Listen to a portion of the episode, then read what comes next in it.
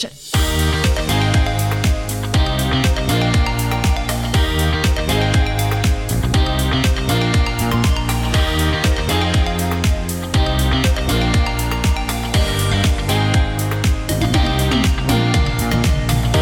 Episode tre, dommerjævel. Det blir bedre og bedre, dette her.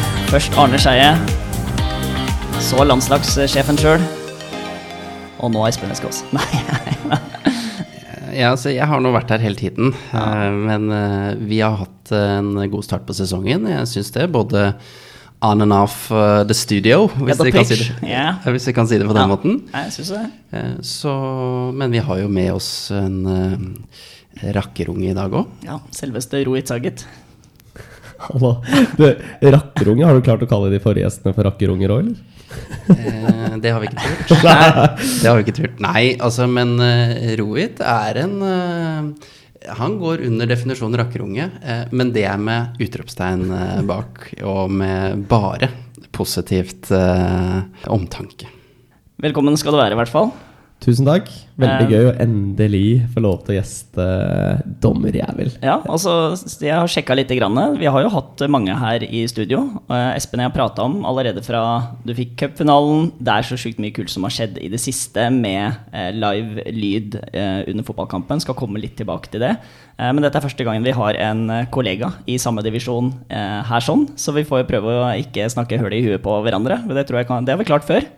Ja, så Det er jo som å putte på en femmer, så vi, vi har en utfordring i dag på å holde, holde tid. Men hvordan er dagen din i dag, Rohit? For ja, vi vet jo godt, men det vet jo ikke lytterne. Du, ikke du, du trener mye, man har, eh, man har kampene, men du gjør jo også noe annet ved siden av her. Ja, akkurat nå så bygger jeg jo et eh, helt nytt uh, selskap, men før det så er jeg jo tobarnspappa og uh, bor litt sånn landlig ute på Sande, som vi faktisk er i ferd med å selge oss ut av, og skal flytte innover til Drammen og bygge bolig. Så det er mye sånn derre utenomsportslig, hvis man kan kalle det det, som skjer. Men uh, så er det også mye spennende som skjer her i Oslo, og det er jo at vi bygger eh, det vi kaller liksom fremtidens IT-konsulentselskap, så det er veldig gøy. Ja, jævlig Ja, også noe banne-greier. Ja, ja. Men, men det er veldig gøy. Men, men det er jo flaks eh, at du bygger eh, bolig i Drammen og ikke Oslo. For her er det jo full byggstopp.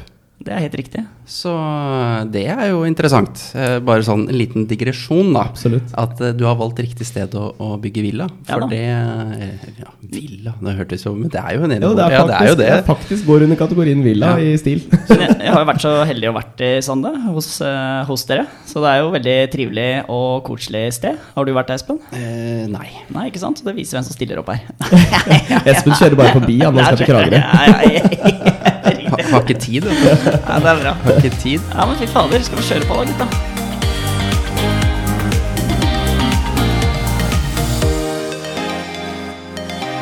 Ja, vi har jo alle en gang begynt av en eller annen grunn å dømme. Hva er din grunn, Ruit? Åh, det, det, det er et godt spørsmål. Ehm, det starta en kald novemberdag på Gullskogenbanen, hvor jeg er vokst opp. Og det er også da det stedet hvor Strømsgodset er fra. Så jeg spilte jo på, på gutt og junior. Ehm, så gikk jeg en periode ute av spill, fordi jeg også spilte en fin sport som heter bandy. Eh, fikk meg en smell der og var litt lenge ute. Og ehm, har vel alltid vært veldig ivrig mot eh, dommerne. Eh, var vel kjent i kretsen, tror jeg, som en av de der eh, Apropos rakkerunge. Så var jeg kanskje med negativt fortegn også. Eh, ivrig på dommerne. Og så eh, skulle vi ha en treningskamp, en internkamp. Så jeg skulle egentlig dømme kalle det mine egne lagkamerater på en sånn eh, internmatch en kald novemberdag. Eh, og så fant jeg fort ut at eh, det her var jo skikkelig, skikkelig gøy. Eh, ta litt regien, ha litt kontroll på, på, på flyten i kampen. Og hadde sikkert eh, plasseringer herfra til eh, Til eh, Ja. ja. Det mm, eh, Men så var det litt tilfeldig at det var en eh, dommerutvikler i krets, som vi kaller det i dag, men altså en som jobba med disse unge dommertalentene på den tida, som kom ut på banen og var ansvarlig for dommerne i, i Strømsgodset. Kommer bort og sier at det her, det her skal du holde på med. Og jeg skjønte jo ikke egentlig så veldig mye av hva er dette altså, Jeg dømte en kamp, det, det holdt, holdt med det. Men så var det noe med trenings Altså dette her med preseason.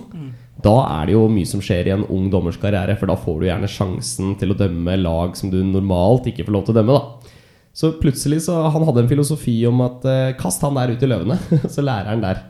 Eh, så jeg ble med faktisk med Osman, eh, som også dømmer Eliteserien. Og da hadde Osman holdt på i tre-fire år, eh, og dømte vel nesten, tror jeg, kanskje fjerde eller tredje divisjon. Eh, og fikk lov til å være med i eh, altså Godset mot Hønefoss A-lag. Som skulle være med på linja. Er det det du har bilde av på nettet? Ja, Er det er jo et meget sjarmerende bilde av, det tre gutter som alle nådde toppfotballen. Det kommer ut på, på, på Insta. Ja, det må dere. Nei, det, det bildet der er jo Det går i historieboka som eh, ikke akkurat stil og profil, men eh, det var i hvert fall gjennomført. da, For alle hadde lik sveis eh, og var like rufsete, for å si det sånn. Og tre lykketroll. Men, men Ruud, stemmer det at da uh, hadde du allerede vært dommer, men i en annen idrett allerede? Nei, det stemmer ikke. Så det var parallelt? Det var parallelt. altså Jeg, jeg starta faktisk med bandydømming seinere. Eh, det var faktisk når jeg dømte tror jeg fjerdedivisjon i fotball, så gjerne to år etterpå. Så min gamle nabo eh, fra barndom av, eh, Rune Jansen, var veldig ivrig i bandymiljøet. Er veldig ivrig i bandymiljøet, en kjent personlighet der. I tillegg til tidligere dommer i Eliteserien. Så han eh, sa at hvis du dømmer fotball, skal du i hvert fall dømme bandy, Rohit.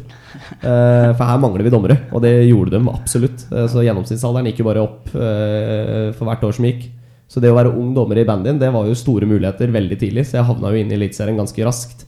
Ja. Og da også en del internasjonale oppdrag òg. Ja, Og da når du sier Eliteserien, så mener du Eliteserien i bandy? I bandy, ja. ja. Og poenget mitt er den største kampen du har dømt der, det var Den største kampen, hvis man tenker atmosfære og tilskuere og den biten der, er jo faktisk eh, VM-finalen for damer eh, i, i Sibir, i Irkutsk. Eh, og der var jeg den eneste, hvis man kan si det, den eneste kall det mørkhuda i Sibir eh, på den eh, reisen. Og var jo litt han der spesielle, fordi at for det første var du han unge i et dame-VM. Eh, med da dommere som gjerne var over 40. Eh, I tillegg var du fra den lille nasjonen Norge. Og så er det sånn at det er store muligheter som, eh, som norsk dommer internasjonalt. For det er jo ikke så mange land i bandyen som dominerer. Så det er klart at Sverige og Russland kommer veldig ofte til finalene. Så det står som regel alltid mellom finske eller norske dommere i finale eller sluttspill. da.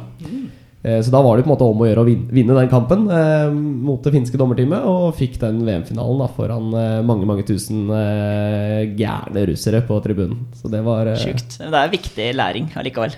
Det er jo alfa og omega. Og det er klart at Rohit har jo med seg en ballast der som, som ikke vi har. eh, Som han eh, selvfølgelig drar nytte av. Eh, Men jeg er jo mer eh, nysgjerrig på hvordan Ola Hobber hadde klart seg på, på isen, jeg, da. Ja, det er vanlig. Her er vi faktisk to mot én da i forhold til skøyteferdigheter. det hadde vært veldig gøy å se Ola på, på Ja, isen. det dere ikke vet, da, som er helt nytt for dere i dag, var at uh, i Storhamar, på den store arenaen der, så har jeg faktisk hatt på meg skøyter og dommerdrakt. Mens uh, jeg mener det var A-laget som trente utpå der. Uh, eller om det var dommersamling. ok, Jeg følte at det var veldig stor forskjell på om det var enten det eller det andre. Men, men det, var, det var brutalt, altså. Det var jo noe helt annet. Men ja. det er klart at eh, på lik linje med fotballdømming, så må man kunne klare å løpe. Eh, det ligger litt mer i sakens natur fra man begynner å gå eh, og jogge osv. Men det er klart det å ta på seg skøyter og ikke være vant til det, det er klart, da har man to ting å tenke på, og det vet vi ofte er litt trøblete for en del mennesker. Jeg hadde jo en, eh, en aktiv bandykarriere før eh, jeg begynte å dømme. Og var jo med på G19-landslaget og syntes det var veldig gøy å spille bandy. Jeg mener fortsatt at det er en av verdens absolutt fineste idretter. Kult. Um, og så eh, vil jeg ikke liksom være han som skylder på skader. Det er så tradisjonelt. Ja, skader gjorde at jeg begynte å dømme fotball og bandy. Ehm, jeg hadde ikke, kall det viljen og motet og stayerevnen til å forstå at eh, det å være litt ute og møte litt motgang, det eh, må du faktisk gjøre som fotballspiller òg.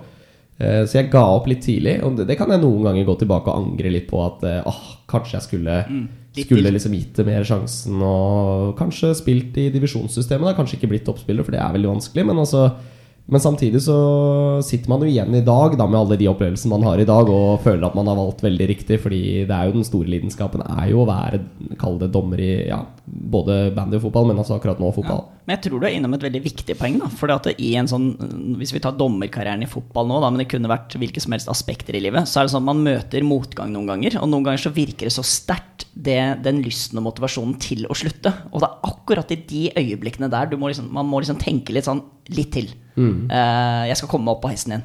Så det er litt sånn eh, miks. Ja, og da kommer jo på en måte bakgrunnen litt inn i bildet. Oppfølging, eh, oppvekst, altså miljø. Det er, det er, veldig mange ting som kan avgjøre det ene eller det andre. Nå jobber jeg jo litt sånn, sånn deltidsfotballtrener eh, for A-laget til Dram. Det er en sånn hobby bare for å holde ja. seg litt med kompisgjengen. Ja, for å fylle tida. ja, ja den, men det er klart at da er vi i et miljø i Drammen hvor det er, kall det, mange, mange minoriteter, og det er eh, veldig multikulturelt multikulturelt. Og man ser jo store forskjeller på, på, oppfølging og oppvekst. Og jeg er veldig glad for at jeg kan være nært der og bidra litt i, i det lokalmiljøet som vi også faktisk flytter til eh, snart. da. Kult. Det er, eh, det er spennende å høre på. Og bare for å skyte inn, når var det du skjønte at man hadde talent for fotballdømminga, eh, og, og, ville liksom investere det for å ta steg oppover? Jeg eh, fikk jo aldri det der formelle dommerkurset. Mm. jeg fikk aldri det der formelle dommerkurset. Jeg dømte disse kampene, og så ble jeg bare meldt på. Eh, så fant vi ut at på den tiden så hadde vi noe som het Buskerud-kurset på Norway Cup. Det var jo veldig unikt. Det var ingen andre kretser som hadde det, men det var også da noe som Martin Ramfjord blant annet, eh, som fikk meg til å stå i dette her, eh, holdt i.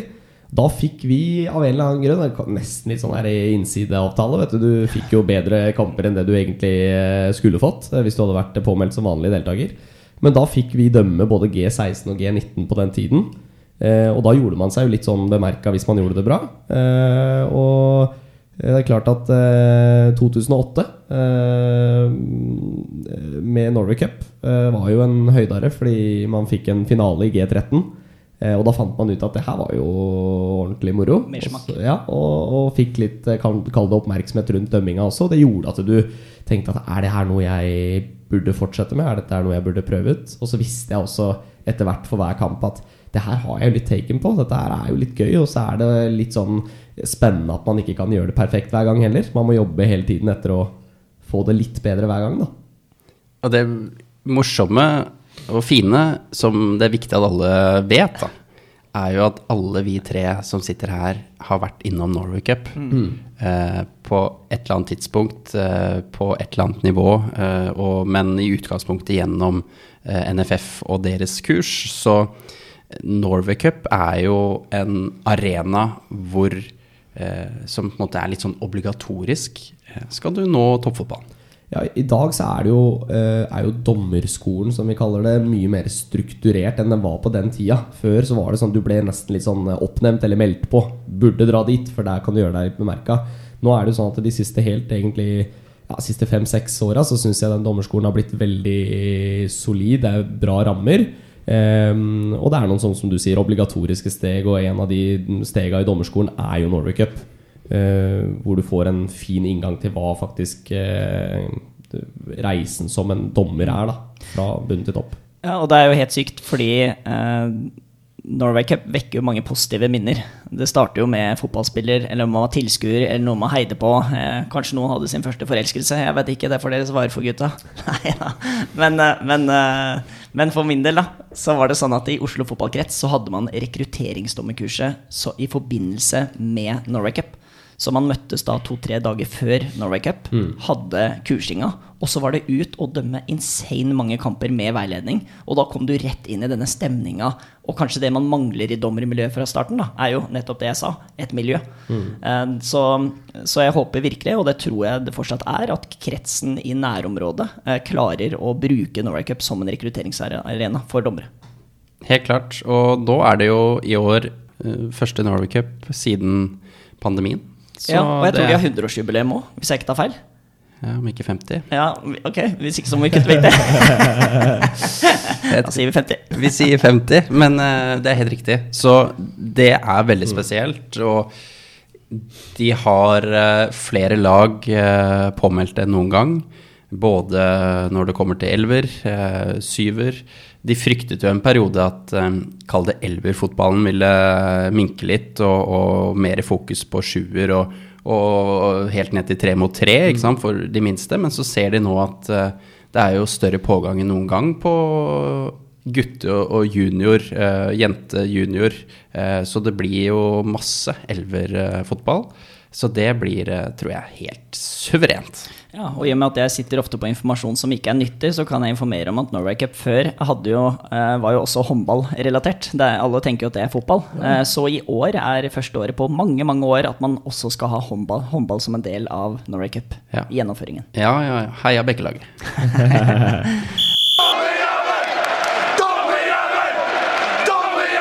Vi og andre kjenner jo deg litt uh, som en uh, utrolig eh, ja, hva skal jeg si vellykket på nesten alle mulige måter. Eh, men det interessante er jo at på veien dit så har det kanskje vært noen hindre, og, og hvis vi trar det inn på fotballbanen, da, har du noen historier, noen opplevelser som kanskje ikke nødvendigvis da står skrevet med gullskrift?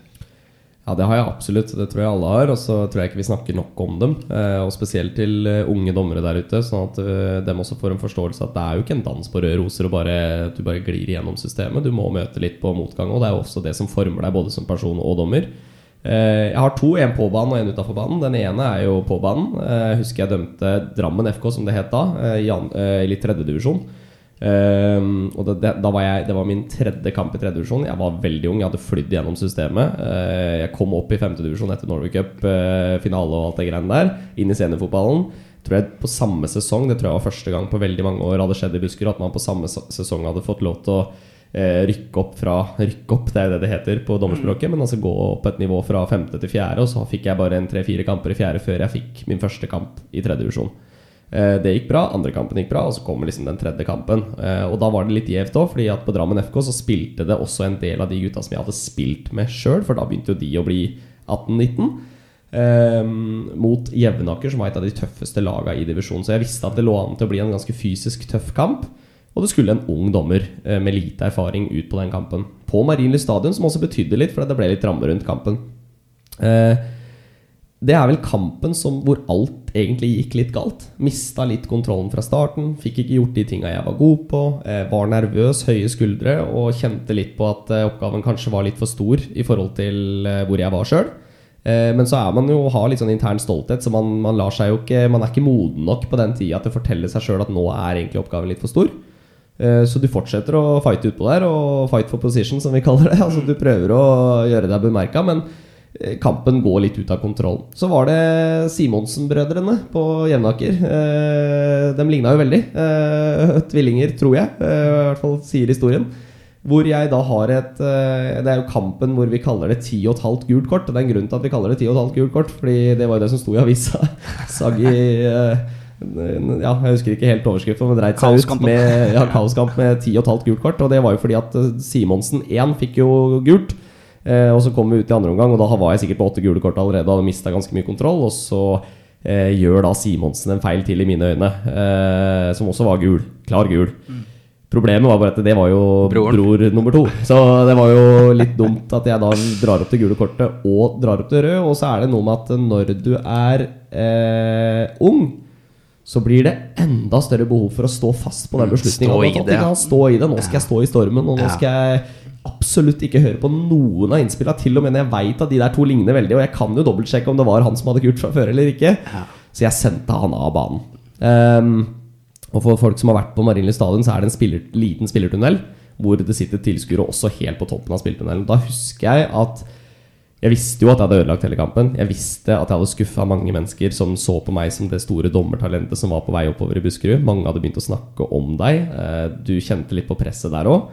Jeg gikk av banen, følte meg ikke stor. eh, Og så husker jeg at Jevnaker-supporterne eh, spytta ned fra, eh, i spillertunnelen der. Og den ene traff meg på skulderen. Eh, Da gikk jeg inn i garderoben. Jeg var ganske fatta eh, og, og fikk veiledning av mye av den biten der. Og holdt maska stram overfor veileder. Eh, tok imot tilbakemeldingene, som da selvfølgelig ikke var altfor gode. Eh, og sa at alt går fint. Det er sånn typisk refleks du kan få når du skal stå i den der stormen og være han tøffe uh, unge dommeren. Men jeg hadde gåavstand hjem, for jeg bor jo på Gullskogen, eller i starten av Gullskogen, så det er egentlig bare sånn 10-15 minutter å gå hjem. Uh, og da jeg gikk hjemover, og det er jo en vei som jeg har kryssa mye gjennom mitt liv, uh, og kommer til å gjøre òg, Men hver gang jeg kjører gjennom det som heter Konnerudgata i Drammen, så tenker jeg på den situasjonen. Hvor jeg gikk hjemover og ringte Martin Ramfjord, som var vår eh, dommerutvikler i både klubb og krets. Og så sa jeg nå er jeg ferdig. Dette her gidder jeg ikke. Det er, og da gråt jeg. Eh, og tårene trilla. Og eh, ung gutt som ikke hadde lappen, og ikke var gammel nok til å få lappen heller, og gikk hjemover der. Eh, og jeg ville heller ikke hjem inn i stua, for der kommer nummer to-delen av historien. Og det er jo at mamma eh, hun har hatt fokus på Vi kommer fra en indisk eh, bakgrunn, og utdanning er superviktig. Eh, og våre folk, eller hva skal jeg si, min familie, mange av dem har gått realfag og lege eller tannlege eller eh, ja, medisin. Eh, jeg var, var jo litt sånn sorte fåret sånn sett. Jeg var han som gikk litt mine egne veier. Eh, og og eh, ikke, jeg var jo grei på skolen, men jeg var veldig god i de faga som kanskje ikke var så viktige for min mor. det var liksom Kjemi og matematikk og alt det der. Det var jeg ikke så sterk i. Jeg kjenner meg igjen. Men jeg skulle bli lege. Det, det var helt bestemt fra start. Uh, fram til Det er en annen historie. Fram til det ble bestemt at jeg fikk lov til å jakte drømmene mine. da Men da turte jeg jo ikke å si at jeg var så prega, så jeg måtte tørke tårene mine før jeg kom inn i stua. Og lat som ingenting. Jeg har bare vært på kamp, mamma. Og så gikk jeg opp på rommet. Og da fortsatte tårene å trille litt, og jeg var egentlig ferdig som dommer. Så det gikk noen dager, og Martin har jeg alt å takke. Jeg husker cupfinalemagasinet også, som var nå. Så hadde jeg en egen sånn liten hyllest til han, fordi han har betydd veldig mye for meg eh, som dommer. Eh, fordi han sa la det gå én dag, la det gå to dager, så tar vi en ny prat, og så lar vi dette her komme litt på avstand. Så er du back in business. Og jeg hadde ikke noe tro på det. Men så var jeg back in business og fikk lov til å dømme en tror jeg, en G16-kamp. eller sånn, Fikk godfølelsen tilbake og var tilbake opp på hesten. Så en veldig sånn sårbar historie som ble veldig bra til slutt. da Eh, Men som absolutt hadde veldig mye motgang i seg, både i forhold til den skamfølelsen, men også den nederlagsfølelsen at jeg duger ikke, jeg er ikke god nok. Dette er ikke noe for meg. Det er så kult du deler. Ja, og det som kanskje er mest interessant, og det som er mest synd med historien, er at denne historien ikke er unik. Eh, hvis vi kan si det på den måten. Jeg tror vi alle altså En ting er jo vi tre som sitter her nå og har vært igjennom en fantastisk reise på fotballbanen, eh, først og fremst på godt, og så har vi disse noen vonde opplevelsene. Men hvis vi tar med oss liksom alle våre kollegaer i, eh, i Norge, i, i, verden generelt, men hvis vi har fokus på, på dommerne i Norge, så er jo dette dessverre ikke noe unikt. Eh, Men det som er viktig, og det som blir budskapet herfra, tenker jeg, det er jo hele tiden det hva gjør vi når vi står i denne situasjonen? Eh, Og det er det som er så bra å høre nå fra Rohit, som tør å sette ord på de vonde følelsene som når man er ung Man ønsker, sånn som du sier, du kommer hjem overfor mor, så ønsker du ikke å vise svakhet, ikke sant? Du ønsker ikke å vise at du har mis, i anførselstegn, mislykket eh, i den prestasjonen din der, fordi eh, du overfor de nærmeste eh, ønsker å fremstå som noe bra. Mm. og jeg kjenner meg så ekstremt godt igjen. Dette å eh, føle at du kanskje ikke får lov til å følge drømmene dine. Eh, det er en bane du kanskje eh, føler at det er en forventning at du skal gå. Én ting er liksom, hvis vi drar det vekk fra fotballbanen nå, da, utdanning, utdannelse, det miljøet man kommer fra, eh, den oppveksten man har. Eh, uten sammenligning for øvrig, Roet, så tror jeg vi, vi to har mye til felles eh, med dette her, ikke sant? Som vi har snakket om tidligere, oss to imellom, uten at vi trenger å gå voldsomt i detalj. Men, men det er så ekstremt, det derre når, når det bikker over, og du får lov til å faktisk gjøre det du har lyst til å gjøre, så er det som at på en måte det er noe som åpner seg, og så er bare banen helt åpen. Og du lykkes både på banen, du lykkes på hjemmebane, bortebane, eh, skolebane, jobbbane. Absolutt alt faller på plass fordi du har på en måte Du er så komfortabel i den situasjonen du er i. Ja, det, det, det handler om å bygge. Altså, det, jeg, det var to ord jeg ikke likte da jeg var uh, ung. Det var tålmodighet, og så var det modenhet.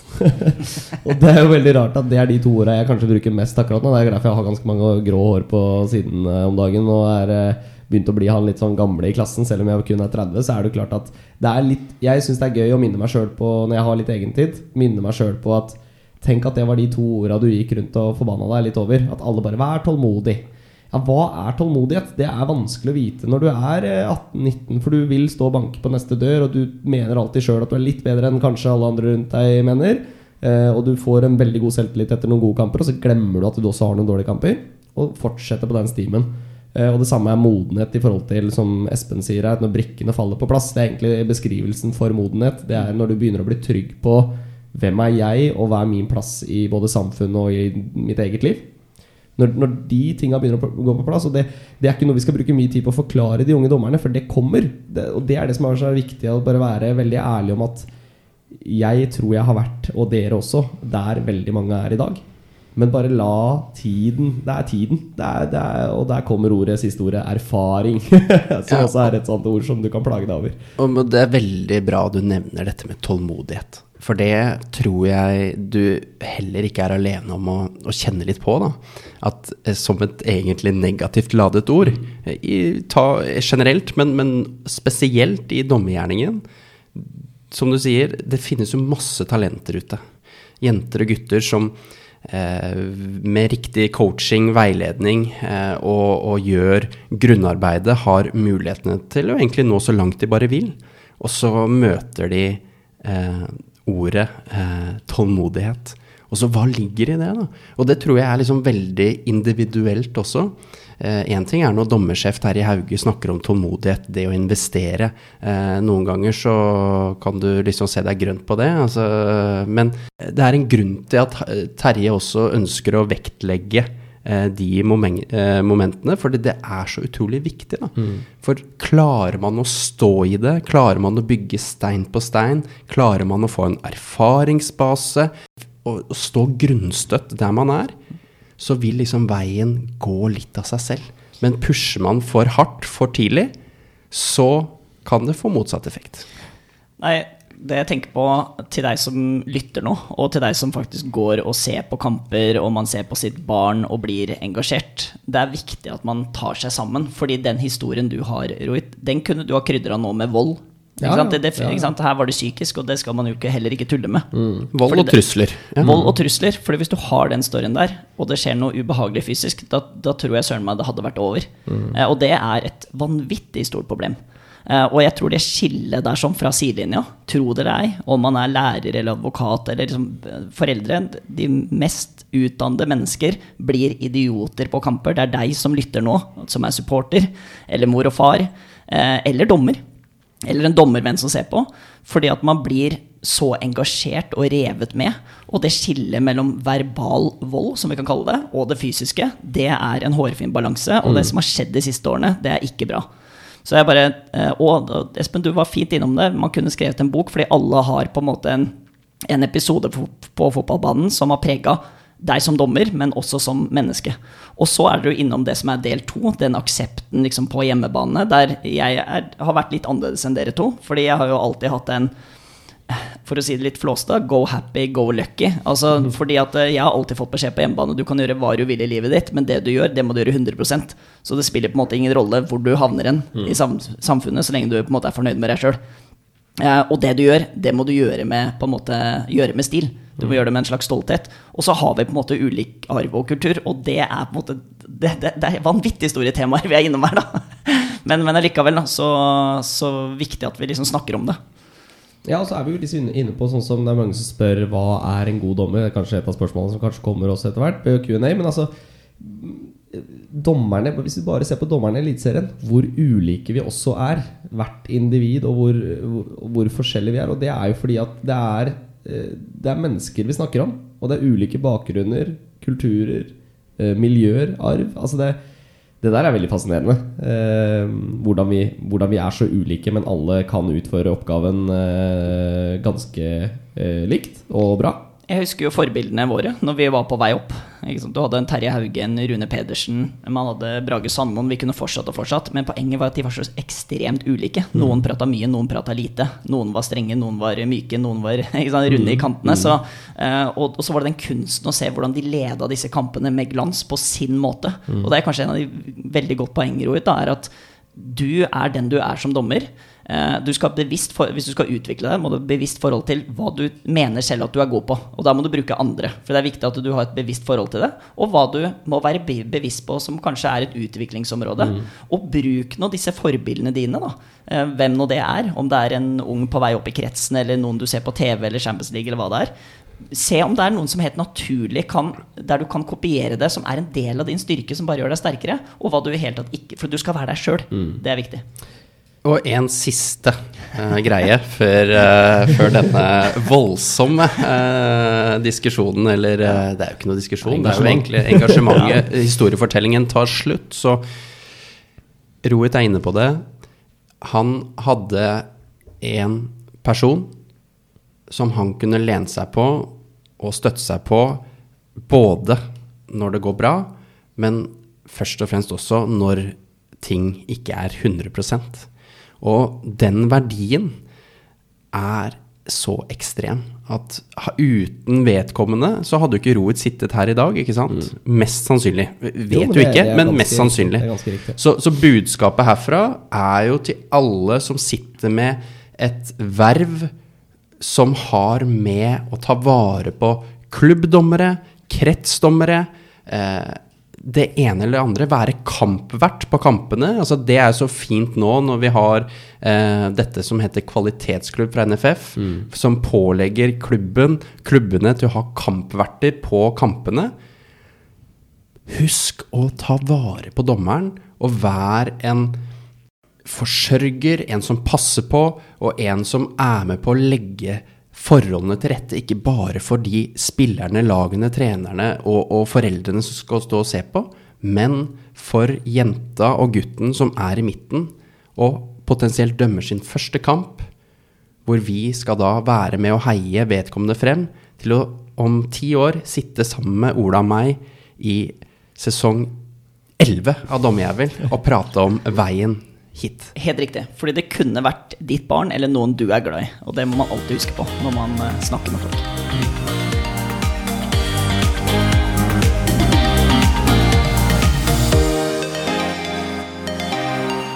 Men over til dagens uh, gjøremål, uh, Q&A. Hva står det for, Ola? Ja, det er questions and answers. ja, det er, eh, du er inne på det der.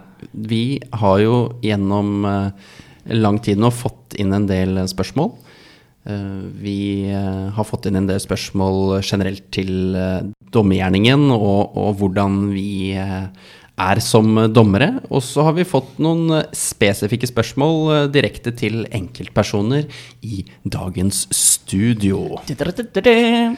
Så eh, da passer det veldig godt når vi da har med oss Rohit, som har, kan hjelpe oss da, der hvor vi skorter på både faglig og menneskelig kompetanse, Ola, Ja. til å, å svare ut en del av disse spørsmålene. Så skal vi bare kjøre i gang. Kjør på. Ja, bra.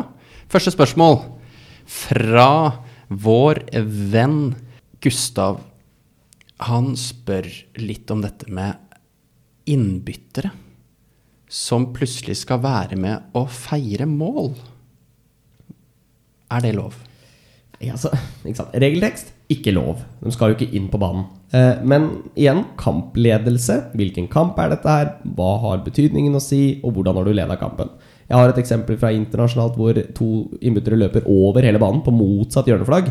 Da er det klart at da har du bedt om det. Men noen ganger så løper de ned til cornerflagget, eller kanskje en meter eller to inn, og så løper de inn igjen. Så igjen, viktig med kampledelse, å se litt eh, mellom fingra og, og, og lede. Men det er klart at er det så tydelig og så unødvendig, hvis på en måte det er et eh, 1-10-skåring, så er det klart at eh, da kan vi kanskje følge opp litt mer. Men eh, bruke, bruke litt sunn fornuft også. Det er mitt svar. Meget bra svar. Ja, bra. Og så har vi et eh, litt sånn over mer til eh, For dette her var jo mer sånn kampteknisk, regelteknisk eh, spørsmål. Hvis vi går litt mer inn på dommergjerningen da, og våre eh, forberedelser inn mot kamp, f.eks. Altså, her er det en som spør om dette med nerver.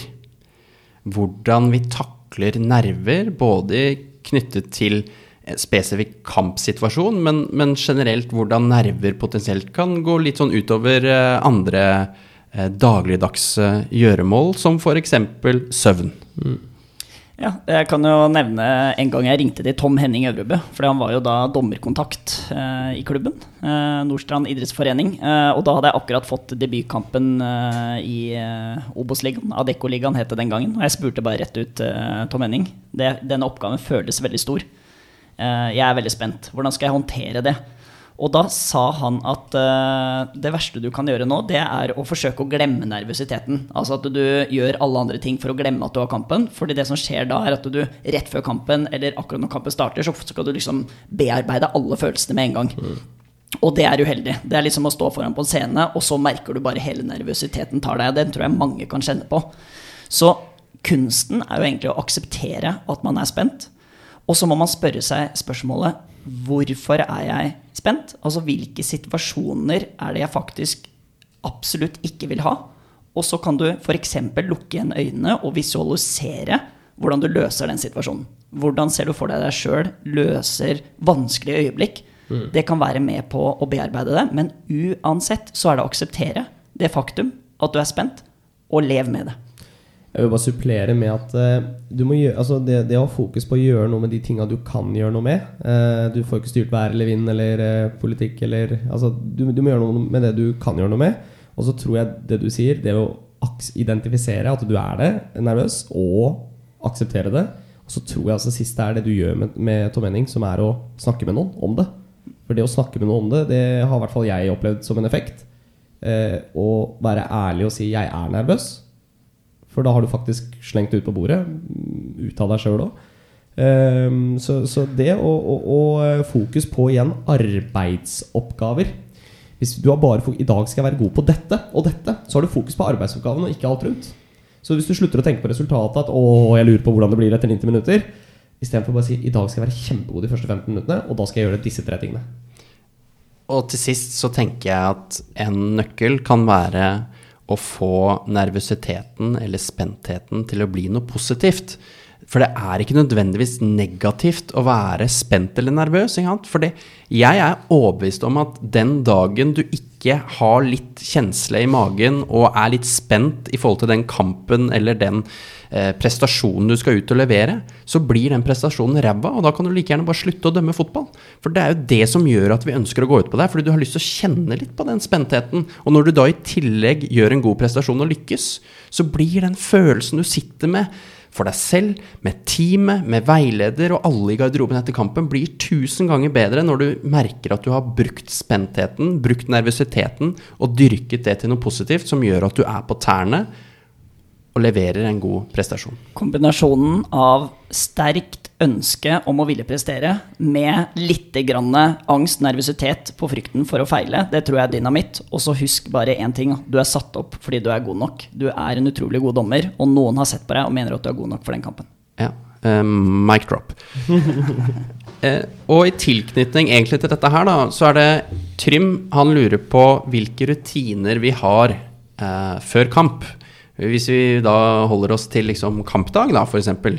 Vi har eh, fått en kamp eh, på Åråsen. Eh, hvordan ser dagen ut da, Rohit? Nei, altså du har det der basicet som er liksom forberedelser. Det er både taktisk og fysisk. Altså Det ene er taktisk i forhold til å se laga, se litt klipp. Altså nå ser jo, Vi har jo tilgang til mye klipp, og det er det ikke alltid man har. Men da kan man gå inn på fotball.no og se på statistikk. Er det noen spillere som gjentar seg? Kanskje greit å være forberedt på hvordan du skal håndtere det. Eh, Men så har du det fysiske, altså drikke nok vann, spise eh, godt, eh, trene godt og riktig inn mot kamp. Og så tenker jeg at det er, og så er- vil jeg skille forberedelser og ritualer. Du, Etter hvert som dommer så begynner du å få noen sånne rare ritualer, litt sånn som spillerne har. For meg er det svettebåndet på før jeg gjør noe annet. ikke sant? Altså, det er eh, Jeg har eh, gifteringen min i en liten sånn mini-matboks. og den må inn i den matboksen, for det er der fløyta ligger. Så jeg switcher alltid plass. Nå er det gifteringen der og fløyta ut. Så det er sånn- sånne ritualer som er viktige for meg. At eh, hvis jeg legger uh, kall det gifteringen på benken før kamp, så er det, da føler jeg at det er et eller annet feil. Den må ligge i matboksen. Hvordan er det du engasjerer og involverer eh, assistentdommerne, da, Ola? Jo da, altså tror jeg det er et stor forskjell mellom det å, å være kretsdommer og etter hvert utvikle seg, og, og du vet uh, hva slags assistentdommer du har med, og rutine og sånne ting, så tror jeg det er ikke noe sånn at man har én type forberedelse, og den er lik i he hele karrieren. Den utvikler seg hele tida. Men det jeg er veldig opptatt av eh, i mitt team, og som jeg bruker som jeg tror jeg bruker over snittet lengre tid på enn andre i prosent av på en måte taktiske forberedelser, det er om, om du som individ, du som assistentdommer, du som fjerdedommer, er klar for kampen. Uh, har du gjort dine gode forberedelser? Hvordan kan jeg tilrettelegge for det? Er det søvn? Uh, er det reisemåten? Ønsker du å komme direkte? Er det det som fremmer prestasjonene dine? Så er det mer viktig enn om vi snakker om uh, sånn tekniske ting rundt kampen, som jeg brukte mye mer tid på før. Så Eh, for jeg har så ekstremt tro på er at hvis hver og en i et dommerteam har veldig stort ønske om å prestere for seg sjøl, og man har fokus på det. Fordi det er sånn, Espen, at hvis jeg er fjerdedommer for deg, og du bare surrer utpå der, så, så, er det, så det begrensa hvordan du kan hjelpe andre i teamet. Hvis du dømmer bra utpå der, og du har kontroll på det du skal gjøre, da er det lettere for deg å gå ut og hjelpe assistentdommerne. Og hvis alle har den inngangen der, at man har fokus på at assistentdommerne har veldig fokus på offside og er gode der, så er det lettere for dem å tre ut av sine stillingsbeskrivelser og levere der sånn. Og det sitter inni hjertet. Det er liksom ønsket om å levere godt, og at man ønsker det beste for teamet. Det er så viktig. Mm. Nei, jeg tenker også at eh, så har du kampforberedelsen. Det er noen ting som ikke endrer seg også. Jeg har en sånn fast kjøreregel med teamet mitt på at vi, vi skal være så utrolig nøye de første 15 minuttene. Det er sånn typisk sånn kampforberedelse hvor jeg involverer teamet. Kast på riktig sted, fem meter hvor ballen ikke yes. ruller, på riktig sted. Spillere som ikke jager inn for tidlig. Frispark på riktig sted. Ikke sant? Være veldig sånn tydelig i starten, for da får spillerne et inntrykk av at dommerne er på i dag. Uh, og det er jo en, det er en teamoppgave, og ikke bare en dommeroppgave. ikke sant? Og så er det uh, litt sånn som du sier, altså med erfaring så vil du finne ut eh, hva som er viktige forberedelser for deg, og viktige ritualer, og hva som er litt mindre viktig. Så jeg tenker at den der erfaring er også veldig viktig her, selv om det er et ord jeg tulla med i stad at det er litt sånn plagsomt når du er ung. Men erfaring har gjort at jeg i dag har, kall det, kanskje noe mindre forberedelser til noen kamper, og kanskje mer i andre. Så du begynner å merke forskjellen på når du må sjekke litt ekstra ting, og når du kanskje kan tenke nei, dette her har jeg faktisk kontroll på. Det er lov å si at man har kontroll på det òg. Veldig bra. Og så er det viktig bare for oss å påpeke Det er klart, eh, er du dommer i divisjonssystemet i kretsen hvor du er alene, eh, du har ikke noe assistentdommer å forholde deg til, så er det jo er jo det en forskjell fra å, å dømme i et team. Mm. og det er jo viktig. og så tenker jeg jo et budskap fra, fra, oss når det kommer til det å, å være dommer generelt, er jo i kretsen er jo at møte opp til riktig tid Altså, dette med stil og profil, det har så utrolig mye å si for inngangen til kampen din. At ser lagene at her kommer det en dommer, han kommer i god tid, han har på seg de riktige klærne, han varmer opp, eller hun varmer opp, eh, introduserer seg selv for lagene, opptrer korrekt og ordentlig, så har du liksom fått så mye gratis før du setter i gang kampen. Det er liksom sånn, For dette er noe du kan gjøre noe med. Alt annet kontrollerer du ikke. Så det kan du liksom ikke bruke tid og energi på å tenke på det. Og så skal jeg kaste ut en liten brannfakkel til slutt. Eh, som kanskje eh, mange vil rynke litt på nesa, men eh, jeg er av den oppfatningen, eh, og så er jo dette min personlige mening, så er det viktig at på en måte ikke jeg kaster både Ola og Rohit liksom i dragsuget her nå, men jeg er av den oppfatningen når vi dømmer i team, Eh, og all den tid, i hvert fall Én ting er jo her hvor vi som har faste assistentdommere, stort sett, vi kjenner hverandre ekstremt godt eh, og slipper å liksom bruke mye tid på eh, hvordan vi skal samarbeide, for, for den, den, grunnlinja ligger der. Så vi bruker mest tid på hvordan skal vi være i dag best mulig eh, til stede. Men når dere reiser rundt, har med dere nye assistentdommere så tenk litt igjennom dette her. Dere får beskjed om at ja, det er utrolig viktig å bruke tid på en kampinstruks med assistentdommerne deres, hvor du som hoveddommer forteller hvordan du har lyst til å ha det i dag, og assistentdommerne må rette seg etter det. Jeg mener det er feil. Jeg mener du må heller bruke tid på hvem er det du har med deg i dag, hvordan er det de er som personer, som dommere, hvordan kan de hjelpe deg best mulig? Og jeg er av den oppfatningen at hvis de er mest mulig komfortable, så kommer de til å gjøre en mye bedre jobb enn at de får tredd en hel stillingsinstruks over seg om å kverne over dette her gjennom to ganger 45 minutter å bruke tid før hver avgjørelse på Fader, var det flaggroet ønsket i denne situasjonen? Var det ikke flagg? Eh, eh, var det innspill, ikke innspill, etc.? Istedenfor at du har mye mer fokus på hva er det som gjør at du kommer til å prestere best mulig i dag? Hvordan skal jeg legge forholdene til rette for at du som assistentdommer er 100% til stede i denne kampen her? Ja, det er spot on, Espen. Det er klart, Du er jo innom viktige ledelsesspørsmål. Skal alle ansatte i en bedrift eh, tilpasse seg hvordan lederen er, eller skal lederen tilpasse seg hvordan ansatte er? Og Hvis du som leder klarer å få med deg alle sammen, og lederen tilpasser seg alle rundt seg, ja, da tror jeg vi har en moderne fremtidens leder, rett og slett. Så bruker vi ikke mer tid på det, for nå det ble dette et veldig langt svar. Men, men uh, uten at det, liksom, det skal revolusjonere noe som helst, så, så jeg, jeg, tror vi skal tørre å tenke litt på det. Absolutt. For jeg har vært veldig på det her at dommeren skal ta så ekstremt ansvar for å ha en instruks. Og så vi, alle vi, kunne prata så ja. lenge om det, men, men det, det, er en viktig ting. Og, og det, jeg vet ikke om det er eh, ikke, Poenget mitt er bare at uh, jeg husker veldig godt når jeg var ny som fjerdedommer uh, i Tippeligaen, som det het den, den gangen. Og av og til så hadde jeg et spørsmål, men jeg turte ikke å stille det ut. Uh, for jeg visste ikke er det aksept for at jeg stiller spørsmålet ut. Så ref egentlig det du sier, Espen. Hvis jeg vet hva som bekymrer assistentdommer 1 på den ene sida, assistentdommer 2 på den andre, og fjerdedommer er sånn, ingen spørsmål er dumme. Altså Det fins egentlig bare dumme svar. Uh, og, og, og det er alltid noen før kamp som har et spørsmål som de lurer på. Som de kanskje stille, uh, tør å stille hvis du gjør den komfortable rollen, og så kan du gjøre dem trygge før de går ut. Så det handler om at lederen der må uh, tilpasse seg. Mm. Så det er spot on. Mm. Jeg nevnte jo når vi var inne på dette med rutiner før kamp her, at uh, Roet hadde fått en kamp på Åråsen. Uh, og han har jo nettopp vært uh, og hatt en kamp på Åråsen, Ola, som er av det mer hete slaget. Altså det er Lillestrøm-Vålerenga. Et, et, stort oppgjør i norsk fotball. En, ja, et derby som på papiret eh, Altså, det lukter jo eh, Papiret har jo litt sånn derre hvis, hvis, du har tent på litt rundt papiret, så er det, liksom, det er litt sånn svidd papir bare når du ser det oppsettet på denne kampen her. Og det spesielle med denne kampen, som er litt revolusjonerende, var jo at lyden og kommunikasjonen i dommerteamet ble tatt opp. Og det er klart eh, når jeg eh, hørte på og så på dette klippet, så merker jeg med en gang liksom dommerhjertet og pulsen min var oppe hele tida. Jeg måtte se det to ganger. Eh, og jeg sendte en tekstmelding også til, eh, til Rohit etterpå, som var sporty nok til å si eh, ja til dette. Først og fremst, hvordan var opplevelsen? Opplevelsen var Altså, det var helt innertier. Det var utrolig gøy.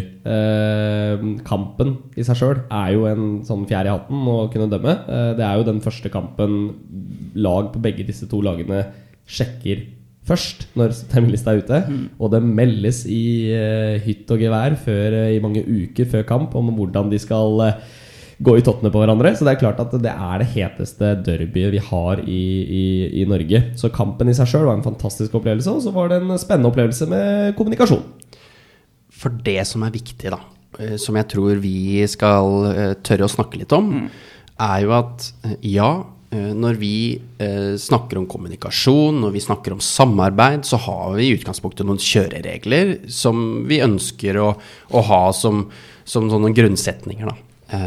Og så må vi være ærlige og si at gjennom en eliteseriesesong så er det enkeltkamper og enkeltlag, spillere, som gjør Altså, vi må adaptere oss den kampen vi skal dømme. Mm. Med, ja, vi har med oss en verktøykasse som er et utgangspunkt, og så benytter vi oss av de forskjellige verktøyene til type kamp du dømmer. Mm.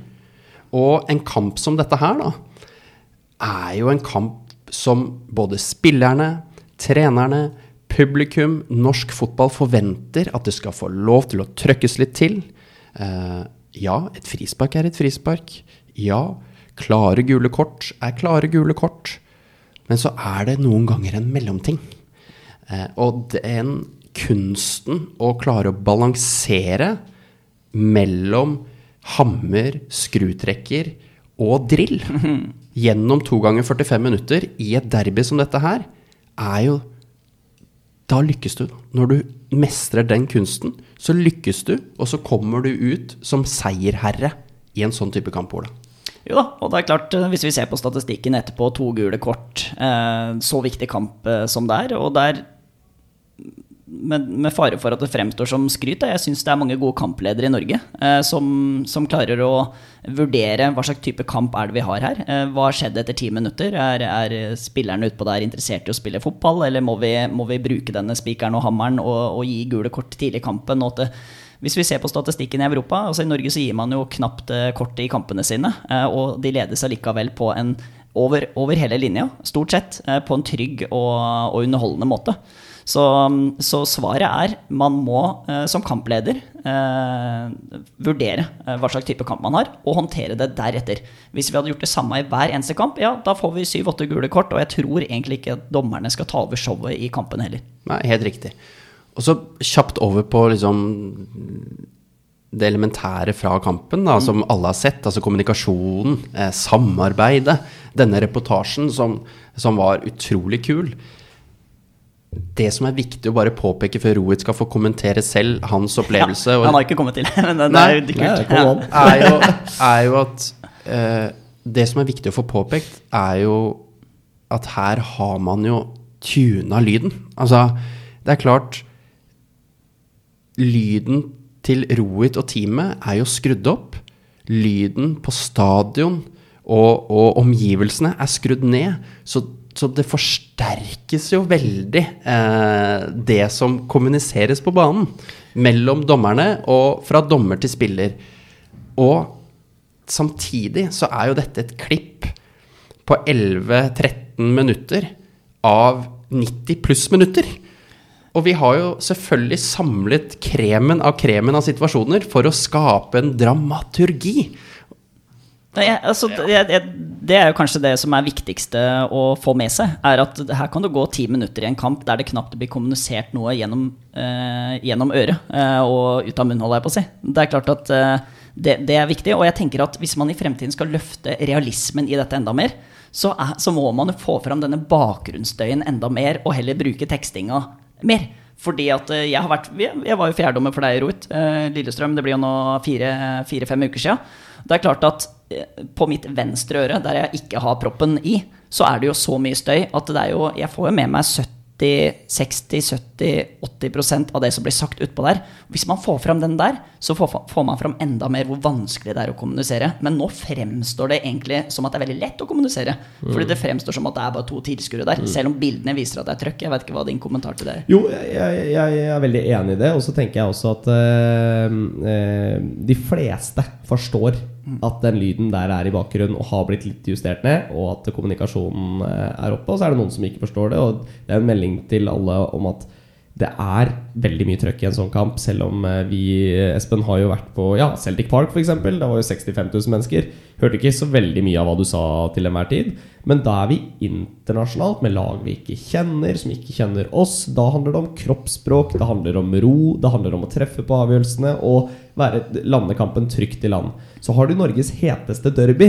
Da er det klart at det er spillere som tar deg på fornavn, og som du tar på fornavn. Det er spillere som kjenner deg, og som du kjenner tilbake. Så det er noe med at der må du være med, og det var vi veldig bevisst på før kamp. Vi skal melde oss på, vi skal vise engasjement, vi skal vise at vi brenner for å lede denne kampen, og ikke styre kampen og ta showet. Um, og det syns jeg vi lykkes med. Jeg synes det var veldig gøy Ja, og Kommer det et klink rødt kort? Ja, da kommer rødt kort. Er det liksom er det lest opp og vedtatt at her må det komme gult, ja, da hadde de gjort det. Men det er klart, kan man lede på en annen måte, så velger man den veien. Og det er jo klart at eh, den første taklinga etter ti minutter, den er jo på en måte på alle dommersamlinger. Og til alle hva skal jeg si, som hører på her også, så er jo det isolert sett eh, veldig ofte et eh, gult kort. Det kan vi jo si. En takling bakfra, lite mulighet til å spille ball. Han treffer spilleren, men jeg opplever også at han sklir lenge og sklir ganske rolig inn. Og så er det det derbyet, da. ikke sant? Du har sjansen. Skal jeg nå plukke opp det første gule kortet etter ti minutter? Da vet vi at det vil komme ganske mange situasjoner hvor vi må følge opp. Eller skal vi tørre å bruke ledelsen nå? Ta tak i situasjonen. Kanskje også være litt sånn eh, eh myndig, høy og mørk og streng. Eh, for det måtte jeg også. For det måtte på en måte ligne et gult kort, bare at det ikke skulle være det. Så jeg måtte være veldig tydelig med spilleren.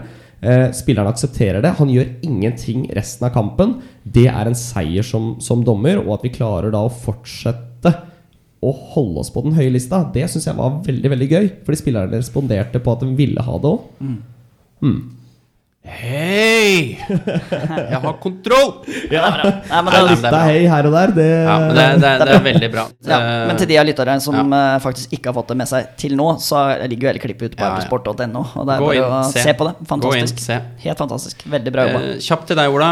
Hvordan har du kontroll på håret ditt gjennom eh, samtlige 90 Det var minutter? tilfeldig at den ble stilt til meg. Stadig mindre hår år etter år. Det er ikke det man sier. Nei, men også det, det er- Stil og profil var jo du innom, Espen, så du kunne jo fortsatt det resonnementet. Nei, men det er klart at uh, det er jo mange bilder opp igjennom der, uh, der vi dommere har håret rett opp i været. Vi har ikke vært hos frisøren uh, i forkant. Men jeg tror kunsten er rett og slett å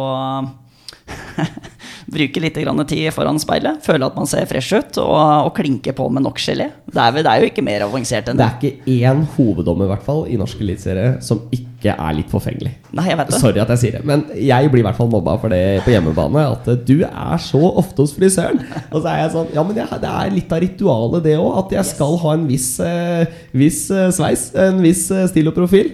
Det gjør noe med min Kall det både selvfølelse og selvtillit og inngang til kamp. Da, da føler jeg meg frisk og rask og klar. Ja, og det, det burde selvfølgelig ikke vært som det siste jeg gjør før jeg går ut. Det er jo liksom gå inn på doen i dommergarderoben, se seg i speilet. Noen ganger så står det en sånn antenne rett opp, man tenker at det er fint å legge litt vann på og få det ned. Enkelt svar, man vil jo føle at man, eh, man er, er klar. men da er vi to, og jeg tror også tre, som gjør det etter kamp. Jeg, jeg eh, skal ikke sitte her og forsvare noe annet. det er helt riktig. Er det bestemt at professional fouls ikke skal bestraffes i Norge? Jeg ser at eh, det er holdninger på kontringer etc., spør eh, Vegard. La oss starte med det regeltekniske. da Det står jo ingenting som heter professional foul, bare for å starte med det. Men så er det et taktisk begrep, og det er vi alle kjent med. Men la oss starte med at når vi skal vurdere situasjoner, så må vi vurdere etter kriterier eh, som ligger til grunn for å kunne gi f.eks. et gult kort. Så da må enten taklinga være hensynsløs, eller så må vedkommende stoppe en positiv angrepsmulighet. Så det er, det er klart at er sånn et frispark som blir tatt veldig tidlig i kontringa, vel på egen eh, banehalvdel, det er lang vei til målet, det er mange spillere som er involvert, ja, da er det faktisk et frispark. Og kanskje ikke noe mer. Men da løper vi også innom Hei, jeg ser hva du gjør. Husk at hvis du hindrer en positiv angrepsmulighet, så får du gult. Bare sånn at du veit det. Og gjør du det for ofte, så får du for gjentatt det. Og så har du dette med holdning, da. Eh, Holdning i seg selv er jo ikke gult kort. Nei. Det må på en måte noe mer til. Den holdningen må eh, Tidligere så var jo det åpenbart altså eh, på, på regler blatant, ikke sant, som var en egen regeltekst, men nå går jo den under fanen eh, mangel på respekt for spillet.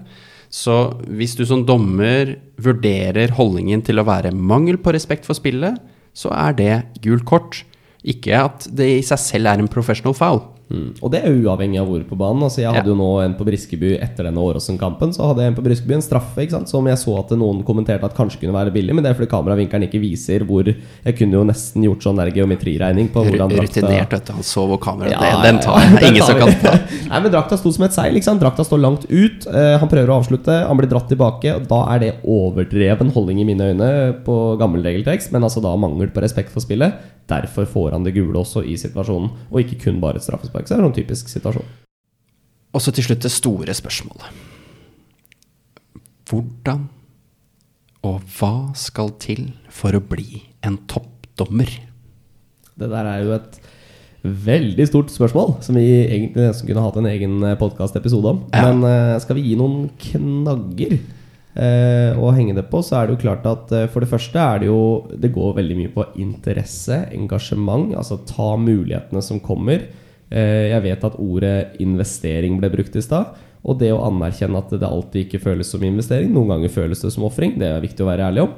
Ehm, så tror jeg det er noe med at eh, du må ha en viss del spilleforståelse. Så du må, du må nerde litt fotball. Du må være glad i fotball hvis du skal bli toppdommer.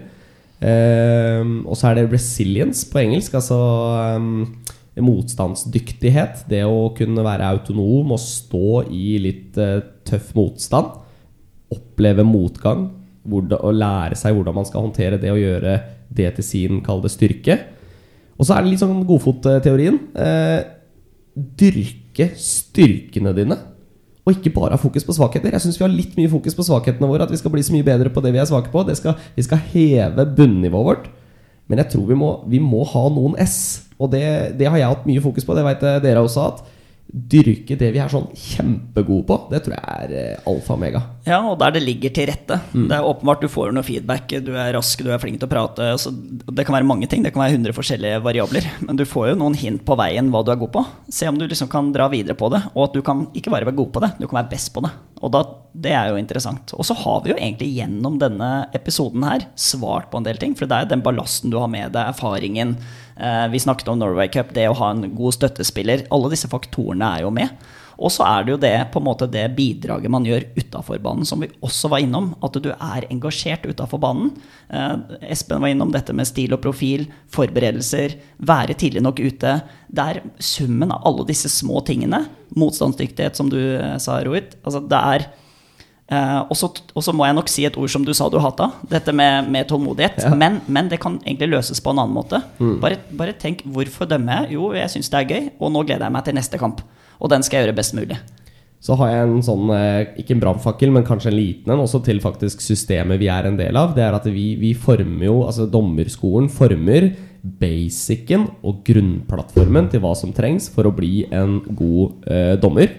Og så pleier jeg å tegne det som en firkanta boks når jeg har litt instruksjon for unge dommere. Og så pleier jeg å si at det er utenfor boksen at eh, de virkelige faktorene ligger. Og det er egentlig hvem er du?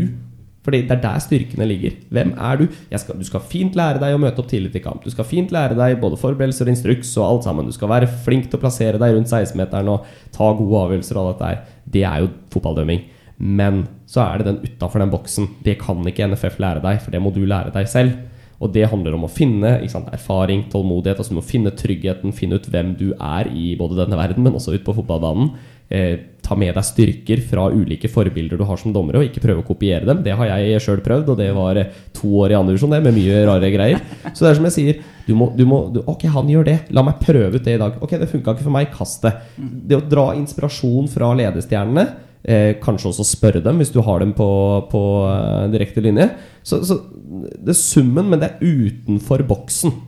Ja, og det gir et enkelt ord. Det gir trygghet. Og spillere som ser en dommer som er trygg, og da er det som person, men da som en konsekvens, i lys av det å være dommer, de klarer å selge avgjørelsene sine bedre. Det er lettere å akseptere. Man mener det kortet man gir. Roit jeg vil si, Sånn som Åråsen, da. Altså, mange vil sikkert se på mi, mitt engasjement og min kommunikasjon i den kampen som kanskje litt sånn Oi, han var veldig aggressiv og veldig streng. Han var veldig engasjert. Han var veldig på. Ja, du viser litt sånne ja. jeg der, Rohit. Ja, ja, jo, men, men, men, men, dette er viktig, for det er ikke Rohit hver eneste kamp. Og det var Rohit den kampen. Yes. Det, det, å vite sin plass i dette samfunnet, i denne verden, i denne kampen. Yes. Og det å være med og spille på styrkene sine og ha det Det er noen ganger et lite skuespill òg, kan man si. Så igjen eh, finne sin eh, plass i, denne, i dette gamet, da. Ja, Det er ikke noe vits for meg å, å bryte inn eh, når to toppdommere diskuterer dette her. Det, det, dette gikk jo av seg selv. Og for å oppsummere, da. Eh, så er jeg helt enig i det som blir sagt. Det er så utrolig viktig å finne sin egen bane her. I bunn så må det liksom Det må ligge noe i bånn. Og det må ligge en drivkraft for å hele tiden ha et ønske om å, å, å lære og bli bedre. Og det er liksom Det er dedikasjonen til dommergjerningen. Så, så, alle som vil, ha muligheten til å kunne jobbe seg eh, opp og frem. Og så må det på en måte ligge noen grunnsetninger i bånn. Dette har vært fantastisk. Eh, masse eh, gode svar på gode spørsmål fra, fra lytterne våre. Tusen takk, Rohit. Dritkult. Og så tenker jeg jo at det er viktig å si, Rohit var innom tidligere, dette med å ha noen støttespillere å lene seg på. Har du spørsmål og lurer på noe, så send oss en melding, da. Dommejevel.no. Verre er det ikke. Dette ble en bra episode, dette, Ola. Det er utrolig gøy å ha kollegaer i studio, eh, og vi gleder oss til fortsettelsen. Og så er du hjertelig velkommen tilbake igjen, da. Kult å være den første, så håper jeg at jeg gjør en, eh, en tre igjen eh, i framtiden. Jeg kommer helt opp på lyttertallene. Nei, men det er bra, Ola. Vi, vi kjører en wrap it up, som du liker å si. Det vi jobber jo for å få til en episode til før vi tar eh, sommerferie, gjør vi ikke det? Helt klart, men eh, nyt allikevel denne tiden fram. eh, Det er jo visse deler av landet som faktisk har en del bra vær, så til dere, nyt det. Nei da, alle sammen, nyt det så godt dere kan. Ja, det er pinse. Vi gikk fra Kristi himmelfart til pinse. Det er jo rød dag på rød dag og god stemning, så det er bare å nyte. Og til slutt, ha det gøy med fotballen, da. Ja. Det er viktig. Heia Norge! Hei!